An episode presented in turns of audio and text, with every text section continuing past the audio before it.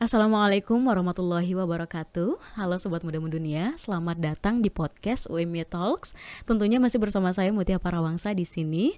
Dan di episode kali ini rasanya senang sekali karena kita memiliki kesempatan untuk ngobrol langsung dengan salah satu pakar uh, kereta api terkemuka di Indonesia. Dan bersama beliau juga nantinya kita akan menjelajahi pentingnya keselamatan dalam membangun kereta api. Untuk itu tanpa berlama-lama lagi langsung saja kita sapa Prof Sri Atmaja. Assalamualaikum Prof. Waalaikumsalam. Sehat Prof hari ini? Alhamdulillah sehat lah ya.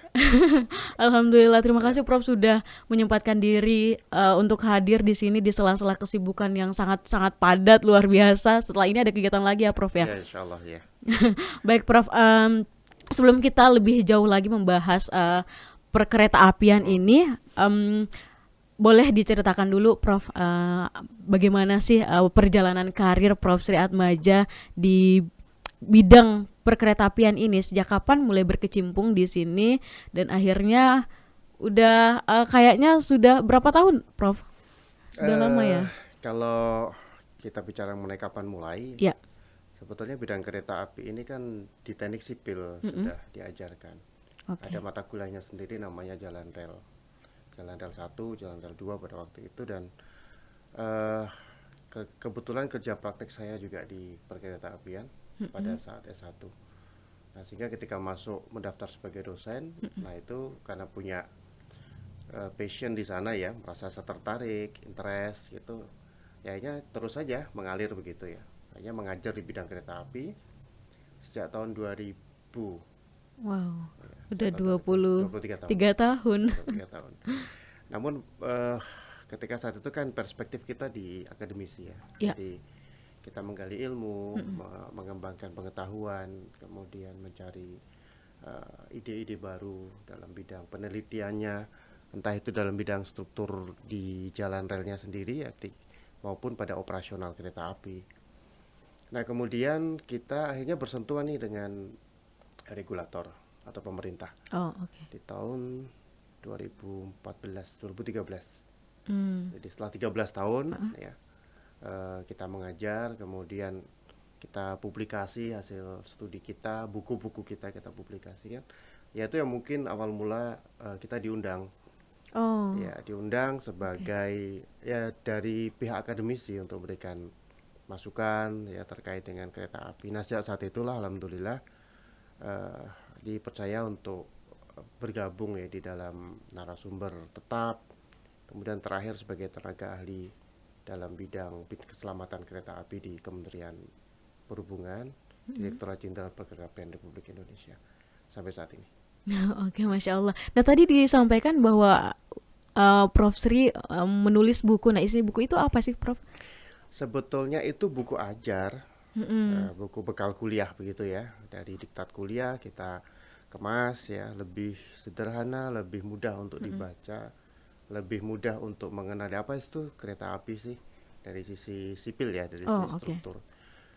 Uh, eh, kemudian berkembang kan, berkembang kita tambahkan dengan pengoperasian kereta api, kemudian penelitian-penelitian terbaru. Sebetulnya itu saja. Jadi basic sangat fundamen untuk memberikan wacana uh, apa itu sih kereta ya, api. Yeah. Yeah. Oke, nah uh, ini menarik ya Prof karena kita tahu rel kereta api ini merupakan salah satu sarana transportasi yang sangat vital dan keamanannya tentu menjadi hal yang paling utama. Apalagi di Indonesia kita ini sendiri kita tahu uh, negara yang cukup rawan terjadi bencana alam ya, seperti ya. gempa bumi dan ya. banjir. Nah menurut Prof uh, Sri sendiri sebagai seorang pakar kereta api, um, sebenarnya apa sih uh, yang menjadi faktor yang paling penting dalam membangun rel kereta api? Uh, yang aman dan andal tentunya. Iya, uh, kata kuncinya memang kita ingin membentuk sistem transportasi yang aman, mm-hmm. nyaman, selamat ya. ya. Kemudian ada tambahan juga sih sebetulnya ekonomis dan berkelanjutan. Oh ya, oke. Okay. Panjang juga sebetulnya tujuannya. mm. Nah untuk mencapai itu rupa-rupanya nggak mudah, oh. ya sangat sangat tidak mudah karena aspek yang ingin kita tuju itu sangat kompleks. Oke. Okay. Kalau kita bicara aman berarti ada tanggung jawab dari pemerintah kalau kita dalam perspektif pemerintah. Ketika kita membeli tiket ya, kemudian kita mulai masuk stasiun mm -hmm. dan keluar stasiun itu mm harus tidak kurang satu apa pun juga. Ya, betul. Ya, betul. mulai dari kita jaga psikisnya sampai fisiknya. Ya, fisik itu kan bisa kecelakaan, kecelakaan bisa di mana saja. Tidak harus di kereta api itu sendiri, misalnya di stasiun ya. ya, ya. Kemudian kita bicara mengenai keamanan, security-nya bagaimana, copetnya banyak enggak kan ya. itu. Ya. Jadi tidak ada satupun istilahnya uh, kejadian yang membuat penumpang itu tidak aman, tidak nyaman ya. Nah terakhir yang paling penting itu adalah ekonomis itu. Mm -hmm. Jadi apa pun sistem yang dijalankan harus berpedoman kepada uh, produk akhir itu harus efisien. Ya. Nah sehingga kalau itu semacam uh, bumbu ya, bumbu racikan ya kita masukkan ke dalam masakan, maka untuk menjadi uh, perjalanan kereta api yang nyaman, aman, selamat, ekonomis tadi, faktornya sangat banyak. Jadi harus didesain dari awal. Hmm, nah, okay. kita sebutkan saat ini sebagai uh, konsepnya safety by design. Oh, bahwa okay. keamanan, keselamatan dan lain sebagainya harus merupakan sesuatu yang didesain dari awal. Yeah, yeah. Nggak bisa tengah-tengah misalnya ya, nggak bisa saat ini kita punya jalur kereta api, terus gimana sih caranya aman? Yuk kita buat aman tuh nggak bisa. Mm -hmm. Ya mungkin bisa, namun tidak bisa 100% untuk mencapai aman tadi. Ya. Baik, Prof. Ini kan uh, keselamatan itu menjadi fokus utama dalam uh, transportasi kereta api. Ya. Menurut Prof sendiri, uh, apa saja sih langkah konkret yang bisa diambil untuk meningkatkan keselamatan di uh, operasional kereta api itu? Ya, yang pertama kita harus menyepakati keselamatan itu adalah bagian yang tidak terpisahkan dari seluruh aspek di pengoperasian kereta api. Mulai dari peringkat organisasi ya, kalau kita bicara mengenai regulator, mm -hmm. berarti mulai dari direktur atau direk dirjen misalnya, uh -huh. Pak Dirjen sampai ke staf yang paling rendah itu harus sama ini visinya mengenai oh, keselamatan. Okay. Di operator juga demikian, misalnya PT KAI Kereta Api Indonesia, mulai dari direktur utama sampai staf yang setiap hari ngecek mm -hmm. jalur itu harus sama visinya. Tidak okay. boleh berbeda. Itu dulu. Jadi organisasinya harus kuat yang pertama. Yang kedua, kita bicara mengenai regulasi. Hmm, regulasi hmm, kita ya. mengatur detail nggak? Nah, kita diberikan peluang ataupun uh, uh, operator ya misalnya hmm. dalam hal ini punya peluang nggak melakukan melakukan inovasi dalam bidang keselamatan atau ada nggak celah-celah yang mana dia bisa OB ya mengabaikan oh. keselamatan. Kalau masih ada celah itu berarti regulasi kita kurang bagus ini kita harus kemas lagi gitu. Dan yang terakhir, yang paling penting adalah apa yang sudah kita rencanakan, kita jalankan. Sebenarnya itu faktor-faktor utama yang sangat fundamental dalam mm-hmm. bidang keselamatan. Jadi keselamatan ini kan sistemnya kita bangun sendiri, ya kita mm-hmm. rancang sendiri, ya akhirnya kita laksanakan sendiri. Okay. Gitu. Jadi ke, keterkaitan semua komponen memang harus dari awal. Yeah.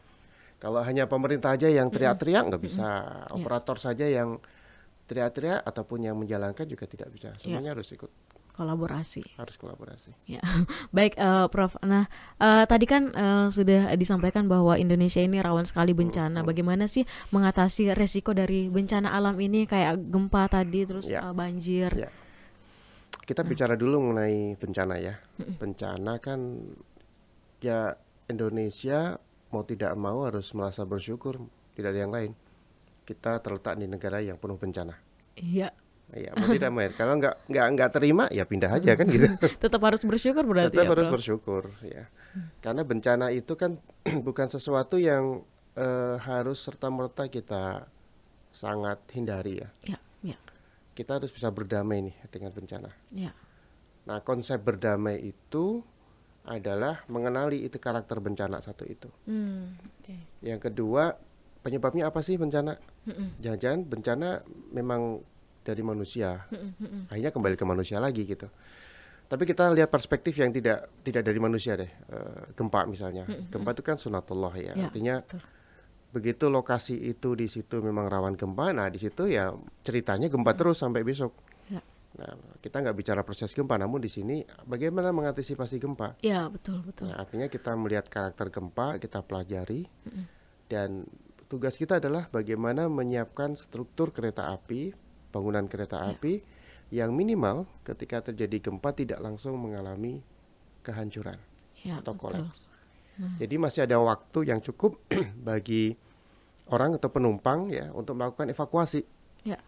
Ya kita nggak bisa nih nggak bisa cerita, oh gempanya apa bangunan kita sangat kuat nih. Ya, nggak bisa juga hmm. karena gempa tidak ada yang bisa memprediksi sama sekali. Ya betul. Sampai saat ini ilmu pengetahuan tidak bisa memprediksi kapan, hmm. di mana ya. dan berapa besar gempa itu hmm. akan terjadi. Kita hanya bisa mendeteksi lokasi nih. Kira-kira ya. kalau di gempa lokasi ini bagaimana, hmm. efek atau dampaknya. Nah itu sebetulnya itu saja. Jadi hmm. uh, kita nggak bisa menghindari, maka hmm. kita bersahabat. Caranya ya. bersahabat, pelajari dengan baik. Hmm. Fundamennya bagaimana? Ya perilakunya bagaimana hmm. akhirnya kita membangun bangunan yang bersahabat hmm. dengan gempa dan mengambil langkah-langkah preventif ya Pak ya? Yes, preventif itu yang paling utama. salah satunya juga kan kita menempatkan satu alat ya, hmm. namanya early warning system. Oh, sistem okay. yang berikan warning, peringatan. Oh ada di setiap kereta api ya, Uh, kita masih membangun itu. Oh. Uh, sebetulnya kalau kita mau lesson learn itu dari Jepang. Jepang itu kereta api cepatnya Shinkansen ya. Mm. Ketika gempa dia akan secara otomatis sistem itu berjalan. Oh, okay. dia akan menghentikan kereta, membuka gerbong dan penumpang bisa evakuasi secara cepat.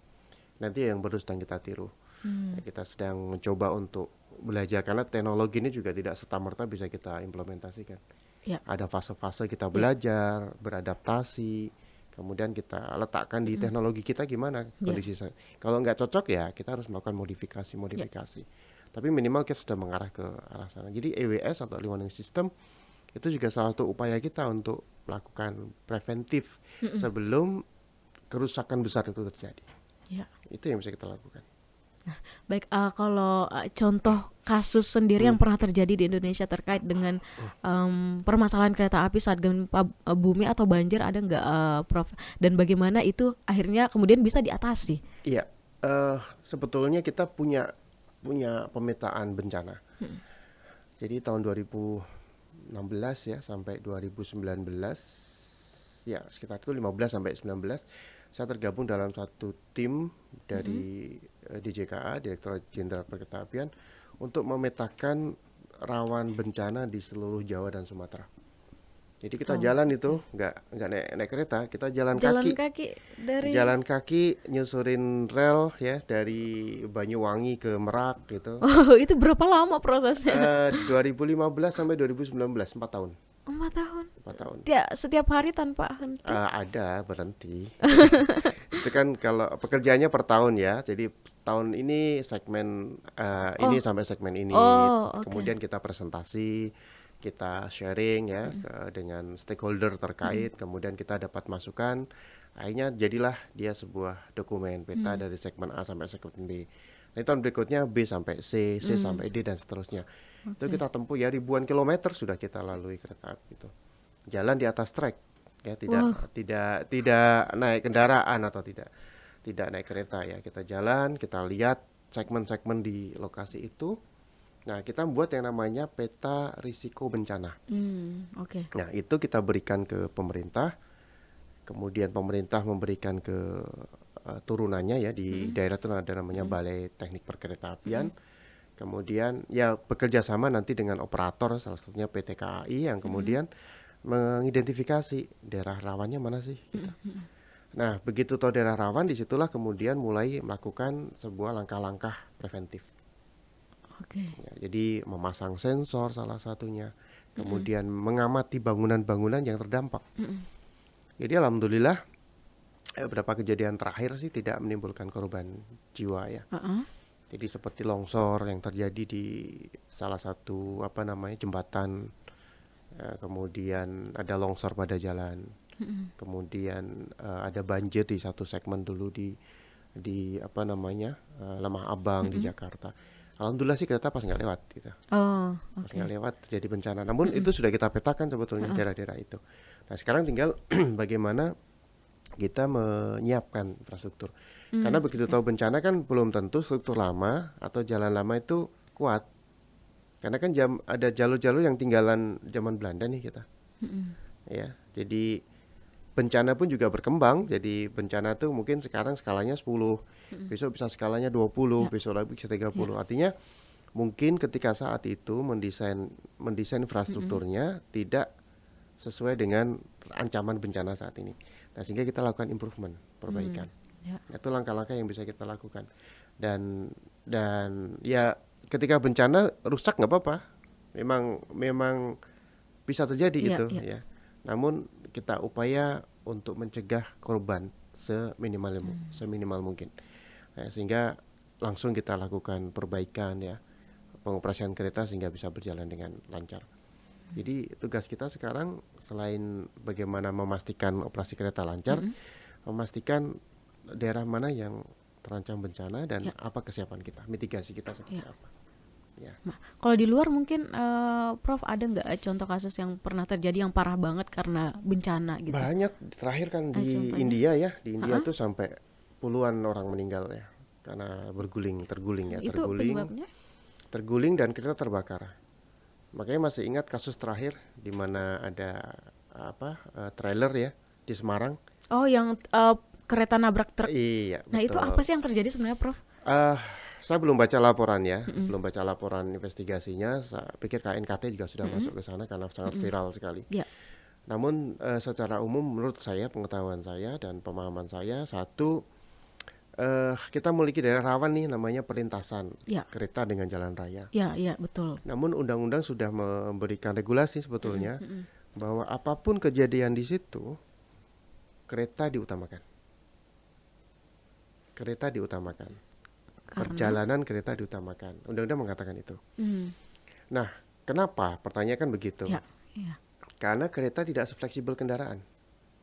Hmm, Dia jalurnya terbatas. Kendaraan kan bisa muter-muter. ya. Kereta kalau mau muter-muter nggak bisa. Dia harus ada di jalurnya. Ya. Itu satu. Yang kedua, kereta ini dia membawa gerbong nih.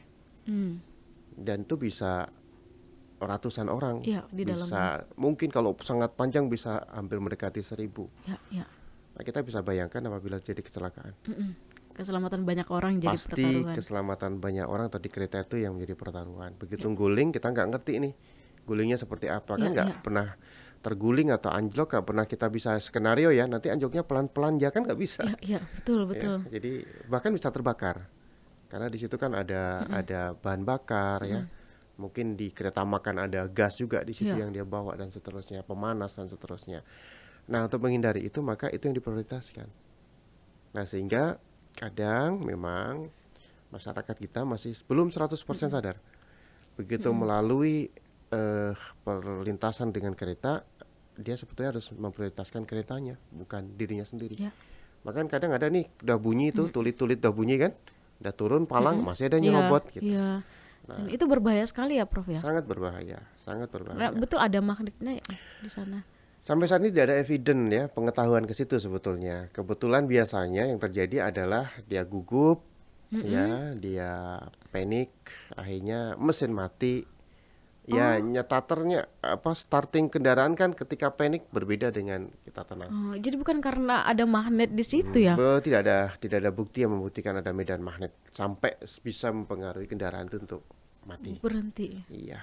Wah, berarti selama ini orang-orang di komen, kolom komentar itu beranggapannya malah iya, keliru iya, ya. memang itulah yang terjadi. Jadi eh saya nggak tahu mungkin siapa yang memulai ya wacana itu, tapi Ya. tidak ada knowledge evidence yang bisa membuktikan bahwa ter- telah terjadi medan magnet besar sehingga mempengaruhi kendaraan otomatis.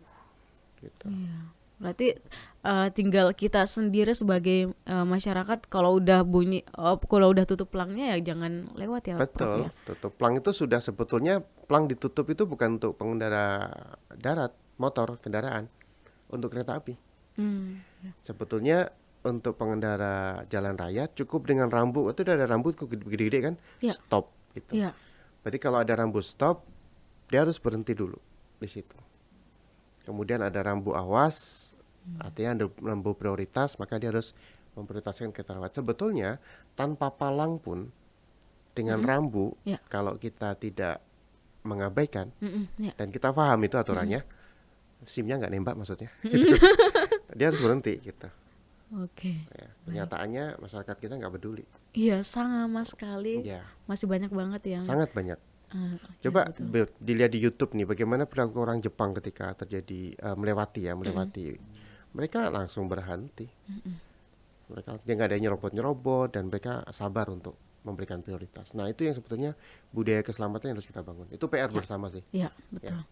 Nah uh, baik bapak, uh, menurut Pak uh, Prof Sri sendiri um, di Indonesia itu apakah uh, kereta apinya sudah memenuhi standar atau masih uh, perlu uh, beberapa perbaikan? Ya, ini berat nih ngomongnya nih ya. uh, kalau kita bicara standar mm -hmm. itu bicara sesuatu yang ideal. Ya, betul. Uh, tapi harus kita sampaikan juga kenyataannya memang tidak semua struktur ideal. Jadi ideal dan tidak ideal itu satu bisa kita nilai dari ya jelas operator kan ya peraturan. Peraturan ini berkembang nih peraturan. Hmm. Peraturan berkembang, SNI berkembang karena mengikuti tadi bencana skala bencana ya. berkembang. Uh, ilmunya juga berkembang nih dulu hmm. mungkin ya biasa-biasa saja setelah setelah terjadi bencana ataupun ilmu pengetahuan baru, investigasi hmm. baru oh sadar oh di situ memang uh, harus dilakukan sesuatu yang lebih. Nah, masalahnya ketika bangun kan itu sudah puluhan tahun yang lalu. Iya. Ya, Betul. mungkin 5 10 tahun yang lalu bahkan 20 bahkan ada yang hampir 100 tahun yang lalu. Nah, sehingga ketika kita harus mengimprove, meningkatkan, memperbaiki ketika sepanjang itu duitnya nggak ada. Ini problem klasik ya. Yeah. Karena jalan rel lebih mahal dari jalan raya untuk yeah. proses pembangunannya. Belum relnya, belum kalau kita bicara jembatannya yang ada seribu jembatan ini di Indonesia, di maaf di Pulau Jawa, mm -hmm. Yang usianya sudah tua. Mm -hmm. Yang sudah tua itu karena sebagian besar peninggalan dari zaman Belanda. Yeah. Nah ini juga kurang kurang bagus juga. Artinya sudah saatnya diganti. Cuma kan mm. caranya mengganti kita nggak bisa serta merta seribu jembatan untuk kita ganti. Yeah. Ya jadi kalau bicara standar susah memang ya, karena kita dapat peninggalan kan, dapat sesuatu yang sudah ada. Ya, apa yang bisa kita lakukan? Kita tinggal improvement saja. Misalnya belum bisa kita ganti nih, kekuatannya menurun, ya kita lakukan penguatan di situ, retrofit namanya. Jadi kita tambah, kita sangga, kita dukung tertentu ya, sampai ada budget yang cukup untuk mengganti jembatan itu. Misalnya, ya. begitu juga dengan track dan sebagainya. Jadi itu langkah-langkah yang bisa kita lakukan atau antisipasi karena memangnya memang klasik juga budget. Gitu. Iya, harusnya ada ya anggarannya. Iya, tapi besar banget itu. Gitu. Jadi, ya, jadi okay. harus harus begitu yang kita lakukan. Hmm, Oke, okay. hmm. nah baik, uh, Prof. Um, uh, lalu apa sih sebenarnya yang perlu dilakukan Indonesia untuk membangun sebuah uh, trek kereta api yang aman dari bencana? Ya, satu prioritaskan kereta api itu berprioritaskan maksudnya kita harus betul-betul merancang nih dengan tepat. Kita memang butuh atau ingin? Iya. Ya, kebutuhan atau keinginan? Ya. Kalau itu kebutuhan, ya berikan porsi. Tapi kalau keinginan, ya sesuatu yang sebenarnya bisa kita abaikan sementara ini. Jadi kita lihat dulu prioritasnya, mana harus kita lakukan. Perbaikan hmm. atau jalan baru. Ya. Kalau menurut saya, kita improvement dulu nih improvement yang ada kita tingkatkan sampai dia memiliki kapasitas kita bilang kapasitas struktur ya kapasitas hmm. kemampuan daripada struktur itu sampai uh, bagus nih puluhan tahun ke depan. Gitu. hmm. itu dulu yang kita prioritaskan. Yang kedua peraturannya kita lengkapi lagi. Karena tentu tidak semua peraturan ini sudah lengkap ini harus dilengkapi ya. Pertama sekarang kan Indonesia nih ingin melompat lebih lebih jauh nih. Hmm. Ada kereta cepat, ya, ya kan, ada ya, MRT, betul. ada LRT, ya. itu bagus teknologi-teknologi seperti itu. Kita most welcome saja, karena itu kemudian berikan wacana kita untuk meningkat. Namun ada konsekuensinya. Konsekuensinya adalah kita harus berbenah lebih baik lagi, karena teknologi itu semakin canggih teknologi, semakin rentan terhadap kegagalan teknologi itu. Kereta cepat 300 km per jam ketika terjadi misalnya kita nggak yeah. ingin ya yeah. kecelakaan apa hmm. dampaknya ada nggak bedanya dengan yang hanya 80 atau 70 hmm. km per jam jelas ada yeah, yeah. dampaknya kemudian kerusakannya nah itu akan lebih teknologinya juga demikian hmm. bagaimana kita mampu nggak ini memonitor yeah. supaya memang betul-betul aman dari yeah. infrastruktur itu uh, macam-macam sekali yang harus kita siapkan jadi itu concernnya adalah fokus di situ kalau saya dan yang terpenting tadi keamanan adalah bagian yang tidak terpisahkan dari seluruh proses bahkan sampai penganggaran. Ya. Ya, penganggaran itu mulai dari tadi butuh atau ingin. Mm -mm. Terus kemudian kita anggaran kan roh kue ya. Kan kita potong-potong nih. Nah, maka porsi keselamatannya harus diberikan porsi yang cukup, bukan sisa gitu loh. Jadi bangunnya gede, keselamatannya ya. kecil kan gitu. Ya, Jadi dari bagian yang terintegrasi dari itu semua. Yang terakhir konsep safety by design bahwa keselamatan harus didesain. Tidak okay. bisa ya bahasa Jawanya ujuk-ujuk langsung gitu. Ya. Saya ingin selamat nih gitu, tapi desainnya nggak tahu, hmm. konstruksinya nggak ngerti, gitu hmm. gitu kan, strukturnya kita nggak paham. Jadi memang semuanya harus diawali dengan desain. Oke, nah uh, baik Pak. Uh, ini kan kemarin saya juga sempat wawancara soal um, inovasi uh, Prof Sri ini boleh dong yeah. diceritakan sedikit terkait itu yang yang inovasi kereta api dengan menggunakan uh, bahan karet, karet bekas. bekas. Ya, nah, ya. itu boleh diceritakan sedikit, Prof. Baik, um. jadi itu adalah hasil diskusi kita dengan uh, Pak Ketua KNKT ya. Mm -hmm. Jadi kita beberapa kali uh, saya mendampingi satu proses investigasi atau mm -hmm. proses pembahasan mm -hmm. uh, dalam laporan kecelakaan kereta api. Nah di situ kemudian muncul ide-ide nih bahwa di Indonesia ini kan sampah ban bekas pengelolaannya masih sangat minim. Itu idenya dari situ. Nah, gimana sih caranya dia bisa kembali ke jalan? Ya. Salah satunya mungkin ada yang di bagian jalan itu sendiri modifikasi mm -hmm. dengan aspal jadi aspal mm -hmm. polimer ada kemudian nah gimana kalau kita improve mm -hmm. untuk jalan rel nah akhirnya yeah. kita mendesain sebuah uh, apa namanya formulasi ya formulasi rumus mm adonan ataupun kalau uh, mudahnya bumbu masakan gitu ya yeah. bumbu masakan itu kita tambah nih cabenya kita tambah dengan uh, ban bekas tadi mm nah kemudian kita akan buat rencana kita akan buat dalam plat plat-plat kecil itu seperti konblok tapi agak lebih besar mm. dan itu kita letakkan di uh, perlintasan jalur kereta api mm. sehingga dari jalan kembali ke jalan. Ya, menurut uh, Prof Sri ini sangat efektif ya Prof. Saat sangat ini ya juga. saat ini penelitian Hemat. kita sudah uh, hampir 70% sih. Mm. Kita sudah masuk kepada final product. Yeah. Tinggal pengujian. Mm -hmm. Nah, selama ini konsep kita kan ingin meminimalisir sampah ya. Yeah Nah, sampahnya kita kembalikan ke jalan. Oke. Okay. Itu aja konsepnya. Kalau hmm. masalah kekuatan mm-hmm. dia tidak terlalu besar sih sebetulnya dengan mm-hmm. dengan dengan adonan yang ada ya. Mm-hmm. Jadi kalau masakan nih penambahan bahan ini ya sekedar bumbu saja penyedap. Oh, oke. Okay. Jadi nggak merubah cita rasa mm-hmm. yang dominan hanya menambah mm-hmm. sedikit lah 10 oh. maksimal 15 persen oh, tambahan okay. kekuatan dan sifat dari mm. uh, material yang sudah ada sebelumnya. Mm-hmm. Namun terpenting kan kita bisa nyimpen nih sampah kita nyimpen di mana. Yeah tidak di luar, tidak dibakar, Betul. tidak menjadi masalah problematik selanjutnya. Okay. Dan kemarin sudah ada patennya juga ya, Prof ya? Kalau patennya kita baru keluar adalah paten untuk uh, improvement track ya. Track itu kan uh, rel di atas, mm -hmm. ada bantalan di bawahnya, mm -hmm. di bawahnya ada pondasi nih. Pondasinya mm -hmm. dalam bentuk batu, oh. batuan campuran begitu. Nah batuan ini bisa rusak Nah, ketika hmm. rusak kan dia harus dibongkar. Dibongkar, dibersihkan atau dibongkar dan diganti. Nah, ada kalanya nggak bisa dibongkar nih. Hmm. Karena waktu, karena budget, biaya gitu. Ya. Nah, gimana sih improvement supaya dia bisa bagus? Hmm. Salah satunya kita tambah karet, karet cair ya. tapi kita tambah aspal. Oh, itu dicairkan tadi. Ya, kita cairkan. Oh. Dia jadi perkat ya. Ada juga yang dalam bentuk kubikel ya untuk uh, improvement size daripada agregat. Nah, itu udah keluar patennya.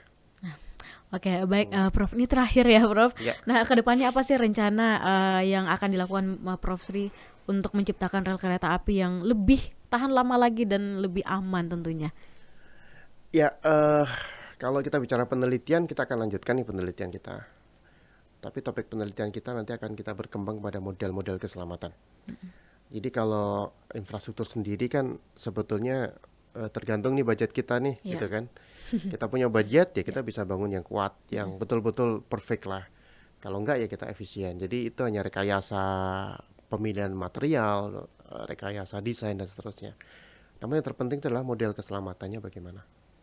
Nah ini yang kami melihat itu yang belum banyak dipegang orang di penelitian. Kalau penelitian material itu tidak hanya di kita ya, di saya di luar banyak sekali juga itu mm-hmm. itu berkembang terus nah sebenarnya kita tinggal pakai saja sih pakai modifikasi terapkan tapi yang model bahwa dia harus berkeselamatan nah ini yang harus kita kejar ke depan ya. insya Allah itu yang akan kita coba lakukan Baik, Prof. Ujung-ujungnya uh, kembali lagi ke persoalan keselamatan dan keamanan ya, ya Prof ya. Safety first. Ya, baik Prof. Terima kasih banyak Prof ya. atas waktunya Sama -sama, uh, ya. berdiskusi bersama kami di sini ya. di Omi Talks.